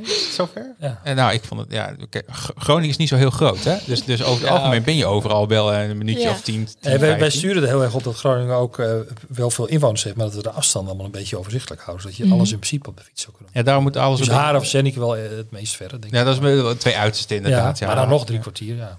Nee, maar goed, dat moet iedereen ook zelf weten. Maar kijk, maar dat is dan meer in, eh, iets wat je op, niet zozeer op individueel niveau, hè, want ik vind het een beetje ingewikkeld om te zeggen, je mag niet op een scooter, want fietsen is gezonder. Dat gaat wel ver. Maar op samenlevingsniveau is dat wel iets wat je mee laat wegen. Ja, dat hoort er. En dat, Ja. die discussie heeft ook gewoon een Ja. plek, denk ik, in de toekomst Ja. van deelmobiliteit. Maar ook niet alleen scooters, maar ook fietsen, deelauto's, noem maar op. Het is gewoon onderdeel van die brede ontwikkeling die je nu ziet gebeuren op dit specifieke onderdeel. Als het gaat om het parkeren, het parkeren in wijken. Kijk, wij sluiten hele grote delen van de binnenstad sluiten al uit. Daar kan je niet parkeren. Denk aan Ja. winkelstraten, pleinen Ja. en dergelijke. Omdat we natuurlijk gewoon van mijlenver zien aankomen. Dat als jij Mhm. op een krappe straat daar scooters gaat parkeren, die staan met in de weg. Dus we sluiten hele grote delen sluiten we uit. We zijn er niet per se een voorstander van om de hele binnenstad uit te sluiten. Omdat je namelijk weet, mensen willen er wel naartoe. Ja. Dus wat gebeurt er dan? Dan gaan mensen aan de rand van de binnenstad parkeren. Dus dan krijg je wat we dan noemen grenseffect. Dus je hebt een servicegebied en daarbinnen kan je de rit beëindigen. Op het moment dat je niet vo- voorziet met een servicegebied in de vraag van mensen, dan gaan mensen aan de rand van het servicegebied parkeren. En dan gaan ze ook op hele onlogische plekken parkeren. Die Ik kom heel vaak scooters tegen precies op het randje van eh, waar ze mogen staan. Ja, en op een gegeven moment hebben mensen hebben dat dan door van oké, als ik het hier doe, dan heeft de GPS nog precies, eh, ben ik op de rand van het. En dan kijken ze ook minder van is dit nou wel een handige plek? En dan staan er in één keer vier op een plek waarvan je denkt, waarom staan er nou vier daar? Nou ja, dat is dan precies omdat de mensen op de ren- grens van het gaan parkeren. Eh, dus wij vinden prima om hele grote delen uit te sluiten, maar omdat je weet dat de vraag is, zorg wel altijd dat er dan één of twee kleinere gebieden zijn die wij dan kunnen uittekenen in ons servicegebied. Dat je Ja. dan wel daar kan parkeren. We kunnen dat op ongeveer 10 meter nauwkeurig met onze GPS kunnen we dat uittekenen. En nog beter, als je dat in de fysieke openbare ruimte ook versterkt met een vak of een bord, nou, dan zie je dat echt 99% van de mensen zich daar gewoon netjes in dat vak parkeert. Mensen willen het vaak gewoon goed doen. Ja. En je moet ze daar alleen een klein beetje in helpen. Dan want heb het je een goede toe- marketing en staat het echt allemaal bij elkaar. Het hoeft niet met een Felix-logo, dat mag hoor. Ook met de projecties en dergelijke. Ja. Dat zou leuk zijn natuurlijk. Maar gewoon P-deelscooters is op zich wel dat is ook goed. Alleen is daar wel dat een juridisch die, eh, probleem. Er is Ja. een klein juridisch probleem. Want eh, eh, parkeren voor deelscooters bestaat niet. Dus als jij een vak maakt, dan is het altijd een scootervak. Dus je mag Ja. er ook met je privé-scooter in staan. Ja. Daar kan je als gemeente niks tegen doen. Dus dat is wel een ontwikkeling. Ah.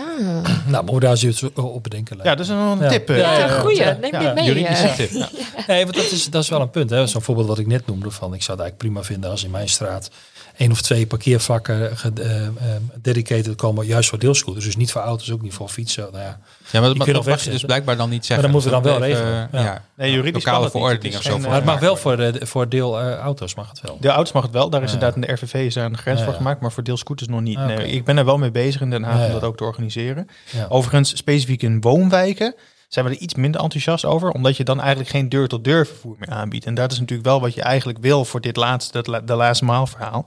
Want dan als ga je eigenlijk van een plek waar je niet wil zijn, namelijk het ene vak, naar een plek waar je niet naartoe wil, het andere vak. Dus dan ben je alleen maar van vak naar vak het wat je met bussen hebt. Ja. Ja, een Ja, beetje het OV-probleem. Dus. Ja. eh, wij zeggen bij drukke gebieden, denk aan stationsgebieden, binnenstadgebieden, volkomen logisch om daar specifieke vakken voor toe te wijzen. Maar als het echt gaat om woonwijken, dan vinden we wel dat je wel eigenlijk zo breed mogelijk aanbod moet gaan hebben. Dus of je moet heel veel vakken gaan doen in een woonwijk, maar dan moet je wel heel veel parkeerplaatsen opheffen. Dus misschien ook niet altijd wenselijk.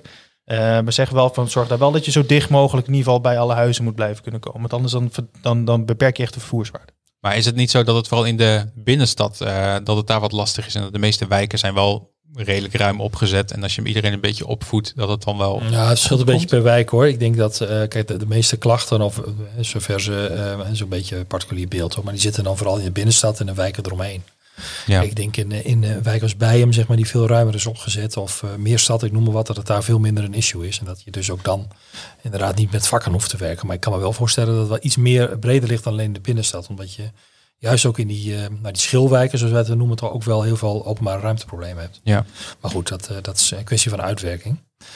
En, ehm, maar goed, dat, eh, daar moeten we het eh, dan over hebben. Maar ik vind wel dat, ja, kijk, wat, je, wat, het beeld wat ik wil voorkomen is dat wij, ehm, hè, wat we met de fietsen eigenlijk normaal zijn gaan vinden, dat die Ja. fietsen eigenlijk overal maar staan. ja, dat is Maar ook dat straks ook bij de, bij, Ja. de, bij, de, bij de scooter. eh, norm. ja, goed, scooters, als je een scooter hebt, mag het ook. Nu al. Ja.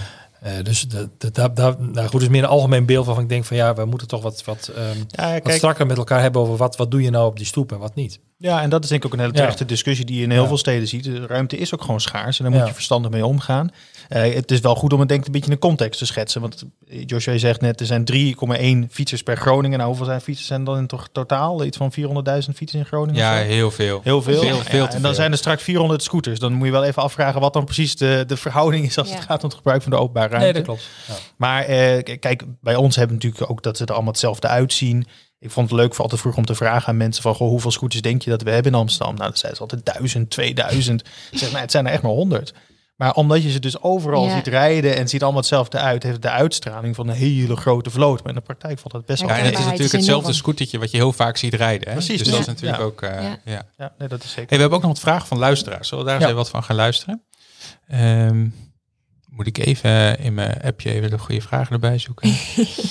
even kijken hoor. We hebben eentje van eh Bouke Jan. Zeker. Hallo, hier Bouke Jan. De vraag die ik heb voor de gasten aan tafel. Hoe zien zij de stad Groningen en de concepten die vanavond besproken worden over vier, vijf jaar? Ik eh, ben benieuwd naar het antwoord. Even naar de toekomst dus. Parkeervakken. Ja, ik heb denk ik het beeld- al een beetje geschetst. Ik, eh, ik, ik, mijn beeld zou zijn, en ik hoop trouwens dat eerder te bereiken dan over vier, vijf jaar hoor. dat we met een, eh, een, een tweetal partijen eh, goede afspraken hebben over hoe ehm, eh, deelscooters een plek hebben in, in Groningen. Ik hoop vooral dat ze inderdaad veel staan op PNR-plekken, stations waar mensen inderdaad voor de laatste kilometer ehm, eh, het gebruiken. En dan ook vooral, eh, denk ik ook dat het vooral interessant is, denk ik, voor, voor mensen die van buiten naar Groningen komen. Ik vind eerlijk gezegd, mijn ideaalbeeld zou toch zijn dat mensen die in de stad wonen en werken, dat toch hoofdzakelijk op de fiets doen. Ja, En incidenteel dus met de, met, de- met de scooter. ja dus het is meer zeg maar van eh, als je dat in de, de dorpen en de buitenwijken woont, zeg maar, dat je in plaats van de auto dan de, de deelscooter pakken. Ja, want dat, daar hebben we, is denk ik winst, eh, winst voor ons allemaal als dat eh, gebeurt. En niet met de auto hoeft, maar met, eh, met bijvoorbeeld een scooter als alternatief voor, voor een fiets of lopen of met de bus. Ja. Ik zou willen dat we in de, in de, voor de mensen die in de stad wonen en werken, zeg maar, of voorzieningen gaan, toch wel de fiets het uitgangspunt blijft. En, en, ik, en ja, ik zou dus met name in de binnenstad en ook in de Schilwijk, en zou ik, zie ik wel voor me dat er echt plekken zijn waar, waar de deelscooters wel mogen staan en niet mogen staan. En hoe is dat voor jou, Daan? Over vijf jaar? Ja, nou ja, kijk, ik denk wij kunnen persoonlijk heel goed leven met eh, de opzet van de, van de gemeente nu, zoals die is voorgesteld. Ik vind het ook een verstandige insteek, zien we ook in meer gemeenten. Dus in die zin is Groningen ook zeker niet uniek. Eh, het punt van de dorpen is absoluut een terechte. Kijk, wij zouden heel graag ook juist de omliggende dorpen in Groningen willen opnemen in ons servicegebied, zodat je er vanuit daar dat soort plekken die vaak wat slechter zijn bediend met OV, ook deelmobiliteit kan gebruiken. Ja. Het enige is, daarvoor hebben we wel een aantal voertuigen nodig, ook een redelijk aantal. Omdat anders, wat jij ook al zei in het Ja. begin, de kans dat dan eentje bij je in de buurt is, die Mm. wordt dan heel klein. Op het moment dat je met een klein aantal een heel groot gebied doet. Dus dat is een beetje een balans waar we in zitten. Dus hopelijk kunnen we over vier, vijf jaar, om dan echt op de vraag in te gaan, kunnen we daar dan zeker ook die dorpen eh, steeds meer bedienen. En zie je dat deelmobiliteit niet alleen een centrumfunctie heeft, die heeft het nu ook niet, maar in de beleving vaak nog wel. Eh, Mhm. Maar dat dat steeds meer een regiofunctie is, die we ook in andere steden bijvoorbeeld al veel meer hebben dan in Groningen. Wij kennen wel iemand die vanuit Groningen met een Felix scooter naar Pijs is gereden. Ja, die kon hem daar dus inderdaad niet stallen. Nee. Dus die heeft de hele Dat is een goede omzet 2,5 geweest. uur eh, door, doorbetaald. En weer Goed, eh, goed geld in het laadje Ja, het laatste een piekje Ja. in. eh, ja. Ja. Groningen is wel, wat, is wel een stad met een relatief eh, dun bevolkte ehm, eh, ring eromheen. Hè? Dus Ja. Je hebt de stad Groningen, 230 of 200.000 inwoners. En daaromheen heb je nou, Haren dan inderdaad, maar verder ja, Hoogkerk, Meerstad. En dan kom je al snel eh Pijzen en, Ro- en Rode Leek is alweer een stuk verder. Hè? Dus Ja. dat is, in Amsterdam en ook Rotterdam en Utrecht heb je natuurlijk eh, om, direct om die steden heen veel meer mensen wonen. Dus ja, dan heb je ook Amsterdam denk ik ook, bijvoorbeeld, eh, heel veel mensen die van buiten de ring in Amsterdam Ja. naar binnen de ring. eh, Ja. Ja, maar in Amsterdam dag. bijvoorbeeld, je kan met onze scooters naar Amstelveen, je kan naar Ja. Diemen, je kan naar Haarlemmermeer, je kan sinds vorige week kun je ook naar Haarlem rijden. Ja. Eh, dat heeft echt een hele regiofunctie. En waar wij uniek zijn in Nederland overigens, is dat wij niet alleen snorfietsen 25 km per uur aanbieden, maar ook bromfietsen 45 km per uur met helm op de rijbaan. Hm. Wij bieden heel graag die mix aan, omdat je dan ook als je een langere rit wil gaan doen, die sneller kan doen met een bromfiets van 45 km per uur. Dan, ga je, dan ben je er veel sneller, rij je natuurlijk een stuk harder. Dus wij Maar die, vinden die die, zijn mix... hier niet volgens mij. Nee, maar dat willen we wel gaan doen. Dus daar gaan we ook met ja. de gemeente over in, in gesprek om dat ook te kunnen gaan doen. Want dan kan je namelijk juist ook die dorpen bereikbaarheid gaan doen. Als jij 10 kilometer moet gaan afleggen op een snorfiets, nou op een gegeven moment wordt het echt wel een beetje pruttelen. om Ja. Ik vond het Ja, wel knap hoor. Dat, eh, ja, dat, daarom. eh, Dus, maar dat kan je met een, met een bromfiets, doe je dat veel sneller. Ja. Maar moet je dan, moet je dan een, een, eh, zit er dan een helm bij de scooter? Ja, en er zit een kastje achter op de helm. Er zitten twee helmen in, ook met haarnetjes voor de hygiëne. En de, en de helmen worden elke dag gereinigd eh, als de batterijen worden gewisseld. Oh ja. Eh, dus op zich is dat een prima systeem. Dat werkt ook in alle... Eigenlijk doen we het in alle andere steden in heel Nederland. Doen we dat behalve in Groningen. Dus de- op die manier kunnen we ook die regio-bereikbaarheid echt Kijk, nog dus over- flink verbeteren. Dus over vijf jaar kunnen we bijna twee keer zo hard op de scooter. Nou, die hopen we toch wel volgend jaar. ergens Ja. En dan eh, naar Als we eh, buiten Groningen. Ja. Ik ik heb nog een goeie. vraag eh, van eh, eh, Bert-Jan. Hoi, Bert-Jan hier. Ehm, ik was eh, in het begin best wel twijfelde ik over het concept eh, van, de, van de deelscooters. Maar eh, nadat ik het eh, eh, zelf een keer geprobeerd heb, heb ik eh, ja, ervaring met eh, zowel eh, de Go als de, eh, als de Felix scooters. En ik maak er eh, onregelmatig eh, met heel veel plezier eh, gebruik van. Dus eh, dank daarvoor dat jullie dat naar, naar Groningen hebben gehaald. En waar ik wel benieuwd naar ben, is ja, voor, het, voor de aanschaf van ja, zo'n 200 scooters in, in één stad, heb je ongetwijfeld best wel wat kapitaal nodig. En ik ben wel benieuwd hoe dat proces van het ophalen van geld voor, voor zo'n concept eruit ziet. Groetjes. Oeh. Met andere woorden, waar komt Ja. het geld vandaan? Leuke vraag. Kijk, wij zijn als Felix echt een, echt een start-up. Eh, begonnen door twee jonge eh, gasten in, eh, in, eh, in Amsterdam in 2016. Eh, en echt toen begonnen in de normale start-up fase. Dus dan ga je Mhm. eerst naar de angel investors, zeg maar, Oh ja, ja. vermogende particulieren die dan hier een ton inleggen en een ton daar. Nou, dan ga je dan de business uitbreiden. Dan ga je de obligaties uitschrijven om de, om de eerste scooters te financieren. En dat gaat de hele tijd maar zo door. Dus we moeten eigenlijk elke keer voor elke uitbreiding, moeten we letterlijk weer met de pet langs Ja. bij aandeelhouders, bij investeerderspartijen om ons verhaal uit te leggen, om te laten zien, oké, dit vinden wij een goed idee, hier hebben we eh, vertrouwen in dat we dit kunnen gaan doen. Maar dat helpt ons ook heel erg als bedrijf, want het scherpt ontzettend je keuzes. Je moet, heel, je moet echt een kwaliteitsproduct neerzetten. Je moet heel erg gedegen omgaan met je, met je, met je verhaal, maar ook met de openbare ruimte, met je gemeente. Dus je moet echt een kwaliteitsproduct neerzetten. Dat is ook een belangrijk verschil tussen ons bijvoorbeeld in GoSharing. GoSharing is geen start-up, maar is een dochteronderneming van Greenmo. En Greenmo is een leasepartij in Nederland die allerlei scooters leveranciert. En daardoor zie je dus ook dat zij minder keuzes maken en ook minder, vinden wij, minder kwaliteit leveren. Maar gewoon gaan. Ja, omdat zij, omdat zij hebben die, die capital restraints niet. Maar wij vinden dat helemaal niet erg, want het scherpt veel meer je keuzes. En het zorgt ervoor dat je op een veel serieuzere manier omgaat met je product. Dus eh, om de vraag te beantwoorden, eigenlijk is het elke keer weer met de pet langs, langs bekende mensen. Er loopt nu ook weer een grote financieringsronde, bijvoorbeeld voor onze uitbreiding naar het buitenland. Eh, die we voor volgend jaar gaan voorbereiden. Oh joh. En eh, ja, we zijn nu ook al actief in België en Brussel, maar we willen nog naar andere landen in Europa uit gaan breiden. Ja, dat is een elke keer weer geld ophalen. Maar dat is onderdeel van het spel en dat is ook En hoe- hoeveel eh, geld hebben jullie nu, nu eh, al opgehaald? Dat gaat om elkaar? tientallen miljoenen. Ja, bizar veel. Wel gaaf hoor. Maar goed, ook met ja. de uitbreiding naar het buitenland. Ja, zeker. Ja. En, en doen jullie ook iets in eh deelauto's? Of eh, denk je wel zo na? Nee, de, op de lange termijn zou dat Ja. wel kunnen. Eh, maar het, het runnen van deelscooters, dat is al een hele operatie. Zit er Ja. natuurlijk achter. Je moet onderhoud doen. Je moet de app erop gericht hebben. Dus het is niet zo makkelijk om dan te zeggen... hey, we gaan ook even wat fietsen en wat auto's Nee. erbij doen. Dat, dat, dat lijkt heel simpel, Ja. maar dat is, is vrij ingewikkeld. Nee, dus als ik gewoon naar mijn persoonlijke situatie kijk. Ik heb wel een auto, maar in de, in de stad eh, ja, moet je altijd zoeken naar een parkeerplek. betalen, betalen ervoor. Hele, hele redelijke tarieven hoor in de gemeente Groningen. Maar toch? Ja, ja, ja. Zeker Nou, wel Amsterdam wel, beetje ja. tegenvallen. 57 per uur. Ja, nee, maar gewoon, ik bedoelde ook de, voor de bewonersvergunning. Alleen, eh, ik, ik, ik denk van, ja, ik, zou, ik, ik gebruik hem niet zo heel vaak, de auto. Eh, maar goed, ik heb, als ik hem nodig heb, heb ik wel gelijk een grote auto nodig. Want ik heb vier kinderen. Dus Ja. met z'n zessen. En dan kan, met een deelauto heb ik dus niks. Het is altijd Dus van ik die zou- kleintjes, hè? Ja, dus ik zou zeggen, eigenlijk zou ik enorm geholpen zijn als het aanbod deelauto's wat groter is, wat gevarieerder is.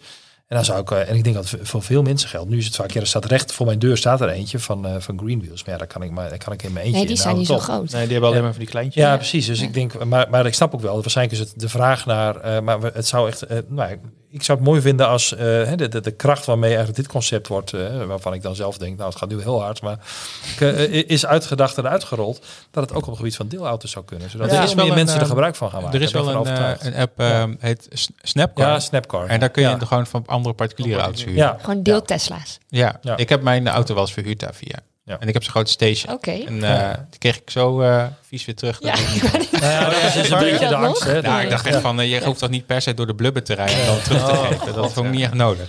Ja, maar kijk, waarom je ziet dat Greenwheels daar minder in investeert is, omdat er eigenlijk een kip-ei discussie is. Het probleem is een beetje precies wat je zegt, Roland. Op het moment dat, dat mensen veel kinderen hebben, dan, ja, dan moeten ze eigenlijk wel een andere auto kopen. En daardoor hebben ze ook niet meer de noodzaak om naar deelmobiliteit te gaan. Dus Ja. er is niet echt een vraag ontstaan. Ja, er is wel een vraag, maar die wordt alweer opgelost door het aanbod. Van Ja, ik heb precies, die, die situ- situatie. Alleen ik, ik, ik kan een, makkelijk een auto voor de deur kwijt. Eh, dus bij mij staat inderdaad een station op de oprit. En die staat daar denk ik eh, drie weken eh, stil. En dan ik er weer een stukje mee. Omdat iedereen alles overal mee heen moet. Nou, en dan staat hij er weer drie weken. Ja. Dus die, die auto staat Ja, praktisch dat is echt zonde stil. eigenlijk. Nee, dat Ja. klopt. Dan is echt, als je het hebt over openbare ruimte in oude wijken, dat zou je op die manier gigantische impuls kunnen geven. Want dan kun je met een veel kleiner aantal deelauto's, die daarvan van verschillende formaten, prijsklassen, types, kun je misschien een hele wijk bedienen bij. Ja, Ja. dat denk ik ook wel. Oké, hey, we moeten een beetje afsluiten. Want jij moet ook vandoor, eh, Daan. Als het kan. Ja, Ja, dus terug naar Kan Amsterdam. hoor. het, helemaal, helemaal terug naar Amsterdam. Ehm eh, dankjewel dat je er was. En eh, eh, wij zwaaien jou gewoon even vanaf tafel uit. En dan eh, gaan wij de andere items nog even doen. En dan eh Helemaal goed, dankjewel. Leuk en gefeliciteerd nog met jullie eenjarig jubileum. Dankjewel. Dankjewel. Dankjewel. Ja, dankjewel. Zwaar onder indruk voor jullie, Ja. voor jullie podcast. Nou, dat is Dit quoten we ook. Ja. deze, deze houden we. Deze Deze, houden nemen we op en zetten onder zo'n knopje. Ja. Dank jullie wel. Goed, hey, Dankjewel, dankjewel. Doei. Eh, wij gaan even afsluiten. Jij mag eh, gezellig blijven zitten hoor, eh, Roeland. Ehm, even kijken, wat zullen we de column van, Wil, van Wilbert doen? Jarda is nog even aan het Ja, ik zit uh, Ja, nee, aan. geeft niet. Geeft helemaal niks. Als jij de column van Wilbert doet, dan loop ik even met Daan mee. oh ja, je moet de deur open doen Ja, precies. Is, welke, welke van de kapotalismes moet ik hebben? De linker of de rechter? De, de rechter. Nummer vijf? Dat is Ja, hem, hè? ja, nummer vijf. Die is van Wilbert. Gaan we even naar Wilbert luisteren. Kapotalisme. Hoi, ik ben Wilbert. Misschien ken je het wel. Kapitalisme. Ik denk dat het tijd is voor iets nieuws. En dan zeg jij, maar als je er goed mee omgaat, kan je toch gewoon doorgaan? Als ik veel vlieg, dan compenseer ik gewoon mijn CO2. Oh, trouwens, ik heb het niet over Black Friday. Dat is zo dom, daar ga ik mijn energie überhaupt niet aan verspillen. Terug naar compensatie. Veel mensen lijken te denken dat je gewoon door kan gaan met vliegen, met nieuwe dingen kopen, met eindeloos doorgroeien. Zolang je je schuld maar afkoopt. Een CO2-vergoeding koopt. Maar zo werkt het niet. Als iedereen dat zou doen, dan groeien we door een grens heen met z'n allen. Een hele natuurlijke en duidelijke grens. De aarde. En tot overmaat van ramp gaan veel van die compensaties dan ook nog eens in bedrijven zitten die volgens hun website heel duurzaam zijn, maar niet echt vergroenen.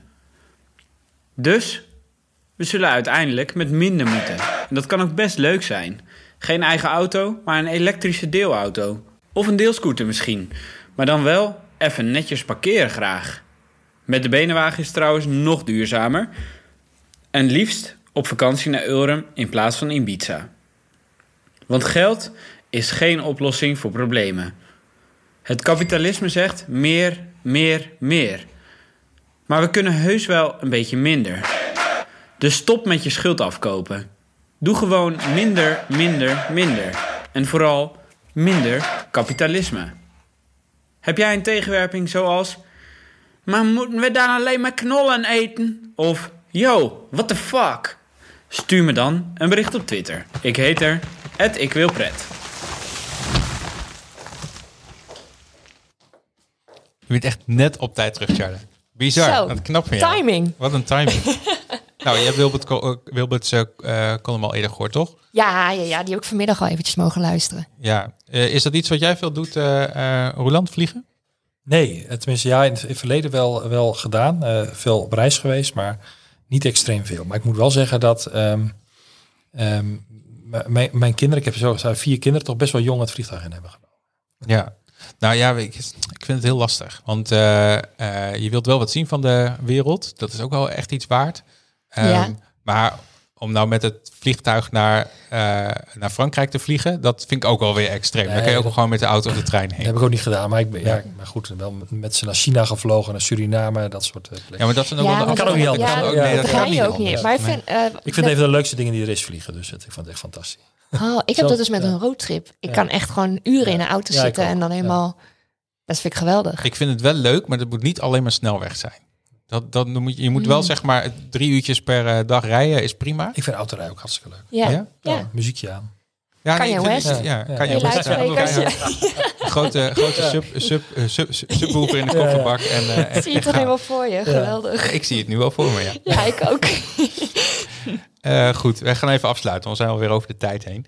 Ehm dankjewel, Roland. Ja, graag was. gedaan en ik eh, sluit me helemaal aan wat eh, Daan zei. Hartstikke leuke podcast. Super. Mooi, echt, ik vond het gewoon een echt leuk gesprek, moet ik zeggen. Ja. fijn. Nou, wij ook. Ja, En het ook- wel, was misschien wat minder. ik had van tevoren wat meer strijd verwacht, maar we waren het toch wel best wel eens eigenlijk. Nou, dat, dat zei ik Ja. ook net tegen Daan. Jullie zitten wel... De, de, ja, het behulpzame vanuit hun kant is ook wel iets Ja. wat die eh, ze- heel ja, ze natuurlijk ook graag een vergunning natuurlijk. Nee. Precies, ja, daarom dat Nee, kaartje ook. nee, ik kreeg ook een kaartje. ik heb dus geen kaartje gehad, maar ik heb zijn nummer al. Want Ik wou net zeggen, hij zei al, ik heb Joshua's nummer al. Ja, maar, eh, nee, ik, denk- maar ik denk ook dat we het een beetje samen met z'n allen moeten doen. Had ik ook Ja. nog als vraag eh, opgeschreven van, moet dat nou echt met ver- vergunningen en, eh, en dergelijke? Kun je er niet gewoon zo uitkomen? Maar wat je ook al zegt inderdaad, straks heb je nog een, een aanbieder. Zo Met hun wel, staan. denk ik, Ja. maar, maar Ja. met, eh, zonder vergunning en misschien met go-sharing ook wel. Maar ja, als je het niet, niet een vergunningstelsel maakt, kan iedereen eh, dan... En dan krijg je datzelfde verhaal zoals we met die fietsen Fiets uit in China hebben gehad. Ja, ja, dat, dat, dat, ja, Krijg je opeens een andere kleur scooter en voor je het weet is er weer een partij eh, aanwezig in de stad. Ja. ja. Ja. Goed. Ehm eh, dankjewel eh, voor het eh, luisteren ook, als je luistert. En eh, als je kijkt, ook heel leuk. Ik heb begrepen net via Signal dat de camera af en toe even wat donker dan weer wat lichter wordt. Ja, Hoe dat, klopt. Dat is zo raar. Maar, dat goed. komt ook door de lampen hier hoor. Ja, die lampen zijn niet goed, hè? Oh, niet goed. Ikea-lampen, toch? Ja, ik weet Ja. niet of ze niet goed zijn, maar ik weet wel dat ze invloed hebben op het beeld. Ja, klopt. Ja, ze knipperen een beetje, maar dat zie je met de ogen niet. Maar dat, eh, dat schijnt wel zo te zijn. Ehm, even kijken. Dankjewel iedereen voor het eh, kopen van truien, mondkapjes, eh, stickers en, en enzovoort van de podcast. Ehm, eh, ze zijn, oh, de stickers zijn nog steeds in de aanbieding voor 1 euro. Die blijven denk ik altijd in de sale. Blijven voor altijd in de sale voor 1 euro. Ehm, als je nou luistert op eh, Apple Podcasts, eh, zou je dan ons 5 sterren willen geven? En eh, als je niet 5 sterren waard vindt, dan eh, hoef je helemaal geen sterren te geven. Want dan gaat er gemiddelde niet naar beneden. ook niet meer luisteren. Jawel, dat mag wel, maar dan mag je niet vier sterretjes geven. Nee, dan dat gaat onze vijf sterren rating naar beneden. Ja, ja, ja. Ehm, even kijken. Eh, je kan ons volgen op eh, Instagram en op Twitter en op LinkedIn, maar daar zetten we nooit wat op. Verder hebben we een hele grote Telegram groep met allemaal luisteraars. En nou, daar komen de vragen onder andere ook vandaan. En dan weet je een paar dagen van tevoren welk onderwerp we gaan behandelen, wie de gasten zijn. En kun je er even over meedenken met ons. Ehm, in het beda- eh, speciaal bedankt voor, eh, aan eh Tomorrowman voor het eh, faciliteren van de locatie en het beschikbaar stellen van het eh, bakspier. En de confetti vanavond. En de confetti en de slingers en eh, alles erop en eraan. Hartstikke- Champagne hebben we ook nog gekregen. Oh, champagne ook nog. Ik zal nog even opdrinken. ja. Oh nee, ik moet auto rijden. Oh shit. Shit. Ik neem wel een scooter. Ik wou ineens zo'n scooter. Ja, dat mag dus ook helemaal Dat niet. is ook hè? niet de dat bedoeling, hè? Nee. Nee, Jos, je Nee, moet fietsen. Nee, fietsen mag dus ook We hebben hierboven nog een Google fiets. Even bandjes oppompen. Zit er ook een tracker en zo in? Nee. Oké, nou, dat valt me mee van Google. Eh, even kijken. En, eh, eh, oh ja, en natuurlijk ook heel erg bedankt aan Found in Groningen voor het openstellen van hun netwerk en andere resources die we altijd van hun krijgen. Jarda, volgende was een keer ben, jij, ben jij de host van de show. Ja, Wat gaan we doen? ik hoop iets met eiwitten.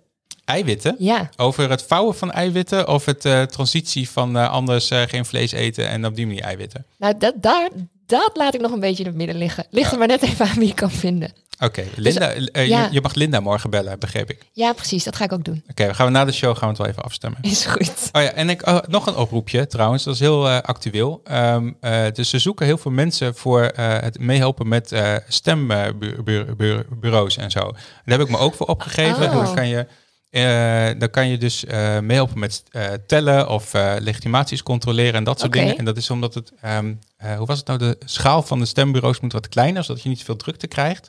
Oh ja, Er komen tuurlijk. heel veel stembureaus Ja. en waarschijnlijk ook een paar dagen. Eh Roland, misschien dat jij precies, weet hoe het zit. Maar Ja, nou, kijk, we hebben eigenlijk al, eh, eh, ook in de oude situatie, hebben we altijd moeite om genoeg vrijwilligers te vinden voor de be- bema- be- mensen van de stembureaus. En nu wordt het dus nog, vanwege corona, is die behoefte nog groter. En dus inderdaad meer mensen per stembureau, ook nog meer stembureaus, als, eh, tenminste als het allemaal lukt. Dus we hebben meer, nog meer mensen nodig. Dus we kunnen eigenlijk elke ja, vrijwilliger eh, heel goed eh, gebruiken. Ja, dus Tjarda, jij gaat ook meedoen, denk ik. Ik ga ook meedoen bij deze. Ja, en eh, eh, we delen even een linkje in de show notes waar je Ja. kan opgeven en dan, Ja. eh, dan kan je Ja. meehelpen. Ja. Het is volgens Oh, mij niet zo moeite. straks, En je krijgt zelfs gra- gra- gra- gratis geld voor. Jij krijgt een vergoeding. Ja, dat vond ik Ik echt bizar. hoeveel. Daarom doe jij mee. Vrijwilligersvergoeding. Ja, nee, maar ik, denk, ja, ik, ik, ik, ik wist helemaal niet dat je dat voor kreeg. Ik had, Ja, ik- je, ik- je moet natuurlijk wel bijna een hele dag vrij ervoor nemen. Hè? Dus dat is... eh, ja, ja, een beetje maatschappelijk verantwoorde Ja, werkgever. die doet er niet moeilijk over. Nee. ik, maar, dat eh, klopt. Dat kan tegenwoordig heel makkelijk. Ja, Ja. oké, dus Cool. eh, dat was even ons eh, eh, Postbus 51 eh, dingetje. en dan eh, sluiten we daarmee af. Doei! Doei! Doei!